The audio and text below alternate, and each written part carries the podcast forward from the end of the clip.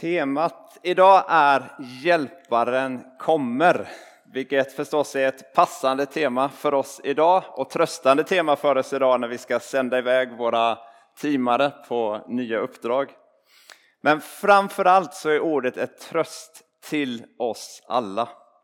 Att de ord som Jesus säger i Johannesevangeliet kapitel 16, vers 32 också får bli de orden som vi får bära i våra hjärtan. Vi är inte ensamma, för Gud som älskar oss är med oss. Och du kanske är här idag och känner dig ensam kristen i din skola eller på arbetsplatsen eller i dina sammanhang eller familj. Eller så är du i en situation där det har skakat mycket och det har blåst mycket sista tiden och saker och omständigheter har skingrats åt olika håll. Och du blir, precis som Jesus säger i vers 31, kvar där ensam. Då säger Jesus idag, du är inte ensam. Gud som är med dig älskar dig. Och det är precis det här som Jesus idag vill säga och trösta oss och trösta sina lärjungar med. För att även om han själv nu skulle lämna världen så lovade han att inte lämna lärjungarna ensamma. Han sa att en annan hjälpare ska komma. Och ordagrant betyder en annan en av exakt samma sort. Alltså en som är identisk som Jesus. Exakt samma sort som Jesus skulle nu komma som en hjälpare för att bo permanent i lärjungarna. Och det betyder att Gud är med oss alla våra dagar. Oavsett var vi befinner oss, geografiskt eller fysiskt i våra liv, så är Gud med oss alla dagar. Det finns ingen väntetid, inget kösystem, inga resekostnader, utan alltid så är han med oss. Så vilken enormt dyrbar gåva den heliga Ande är som vi får. Och snart så skulle lärjungarna få uppleva och upptäcka livet med Anden. Att Anden gav dem närhet, styrka, kraft, uppmuntran, tröst i livet. Men idag så får vi redan nu göra det för att Hjälparen har kommit. Hjälparen som styrker oss och tröstar oss och uppmuntrar oss och framför allt hjälper oss att hålla oss nära Jesus så att vi är fullständigt rotade i honom. Det första som, bland det första som teamarna fick höra när de kom, det var det fascinerande om hur ett eh, bambuträd växer. Det går till så att man planterar förstås ett frö och eh, så ger man det sin vård och sin omsorg. Och sen efter ett år så tittar man på plantan men ingenting har fortfarande hänt. Och du, du tänker att det börjar nog växa snart. Och så går du tillbaka till plantan år två och så ser du att nu växer det bland alla andra plantor runt omkring men just den här bambuplantan syns ingenting som visar någon växt. Och samma år tre och samma år fyra. Det är en lång tid för en planta. Men så plötsligt en dag så händer någonting och så på sex veckor så växer bambun 40, upp till 40 meter uppåt, alltså kan växa en meter per dag och blir den största plantan i omgivningen. Och då är ju frågan, låg det här fröet bara och väntade under de här första fyra åren? Nej, utan under de här åren så skapade den här plantan ett enormt rotsystem under för att klara den stora växt som nu skulle ske. Men också för att klara att inte falla i en miljö och omgivning som verkligen är präglad av blåst och storm. Och när vi är inne idag i Johannesevangeliet kapitel 16 så är det precis det här som Jesus vill lära oss. För stormar kommer, säger Jesus. Och så använder Jesus sin sista dag i livet för att uppmuntra, för att styrka, för att trösta sina lärjungar och förbereda dem för den här tiden. Och förankra dem i sig själv. Faktum är att en fjärdedel av hela Johannesevangeliet handlar endast om denna enda dag när Jesus styrker, uppmuntrar och förankrar lärjungarna i honom för att de ska klara den tiden när han lämnat. Det är därför det står i, som inledning i kapitel 16 så står det allt det här har jag sagt det, säger Jesus, för att ni inte ska komma på fall. För att i världen får ni lida, läste vi texten. Det kommer blåsa hårt, men jag har övervunnit världen, säger Jesus. Och detta har jag sagt för att ni ska ha er frid i mig. Ha er frid i mig, säger Jesus. Förankra er i mig. Så om Jesus hade befunnit sig i en plats eller omgivning med bambun så hade han säkert ställt sig bredvid en som växt och så hade han förklarat det, just detta.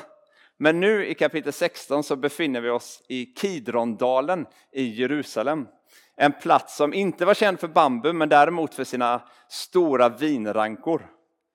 Och det var så för att den platsen var extra bördig, för att den låg precis nedanför templet i Jerusalem. Och där hade man ju offerlamm där man offrade för syndernas förlåtelse. Och allt blod och allt vatten från offerlammen forsade ut i stora rör just ner till Kidrondalen. Så därför var marken där extra bördig. Och någonstans precis vid en sådan planta som fått sin näring och kraft från just offerlammens blod ställer sig antagligen Jesus. Och så säger han ju tidigare att förbli i mig och jag ska förbli i er. Ni är grenarna, säger han, och jag är vinstocken. Och Det innebär att Jesus har ett rotsystem mycket, mycket djupare än den här bambun som vi får ta del av.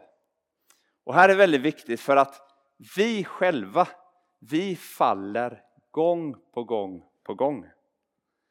Men Jesus står evigt fast. Och Det är därför han säger att förankra era liv i honom. Förankra era liv i det som har skett på korset, det som är färdigt och fullbordat. Att det faktiskt var en dag där det rann just blod och vatten ner. För att där finns näringen, kraften och livet för oss. Förbli i mig. Och om vi förblir i Jesus, då är det så som vi läste i Romarbrevet, att då ska varken död eller liv, varken änglar eller första, varken något som nu är eller något som ska komma, varken makter, höjd eller djup eller någonting annat ska kunna skilja oss från Guds kärlek i Kristus Jesus, vår Herre. Och om vi då avslutningsvis återvänder till, till bambun så ser man att den är ihålig inuti. Men ändå så kallas det för hjärtat i bambun. Och jag tycker det är en bra bild för jag tror att det är precis så som många av oss känner oss. Paulus som skrev Romarbrevet, han beskrev sig som ett bräckligt lerkärl.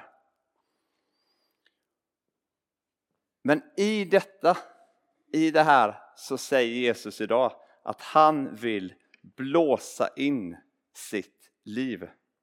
Att han vill komma med hjälp och kraft mitt i detta. Vilket innebär att anden då får vara hjärtat i ditt och mitt liv. Att anden får vara hjärtat i församlingens liv. Och att vi inte är uppfyllda av oss själva. Utan att anden gör att vi blir uppfyllda av honom istället. Och det ju, innebär ju att det inte handlar om skalet eller formen eller vår styrka eller vår kapacitet. Utan allting handlar om hur stor Gud är som bor i oss. Allting handlar om kraften som, som Gud blåser in i våra liv. Och det är bara därför Jesus kan säga i vers 33 i dagens text Var frimodiga. För att jag bor i er med all min styrka. Och nu så sänder han ju er ut till eh, nya uppdrag. Och då kan man undra var kommer man att hitta er? Eh, jag tror att jag vet. Eh, för var hittar man sådana här pinnar oftast? Nästan alltid så står de ju i en kruka eller i rabatten tillsammans med en annan planta eller växt som är på väg upp. Så står de där som ett stöd eller växt för dem. Och för mig så är det precis det som ni har gjort under det här året.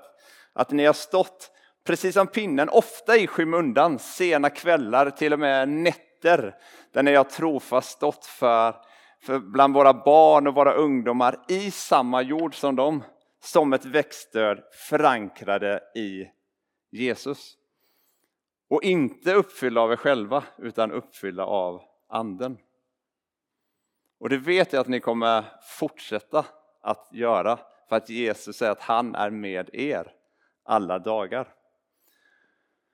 Och han säger det till oss alla i församlingen. Jag är med er alla dagar precis där vi är, precis där vi befinner oss.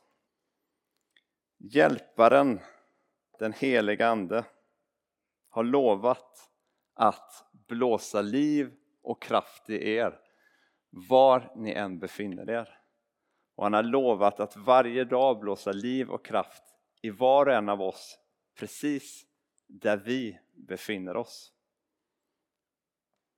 Och så säger han att jag är med er, ni är aldrig ensamma. Så förankra era liv och ha det förankrat i Jesus. Det enda som står fast, det enda som håller när, det, när livet skakar, när livet blåser, så står Jesus fast. Han har rotsystemet som vi får förankra oss i.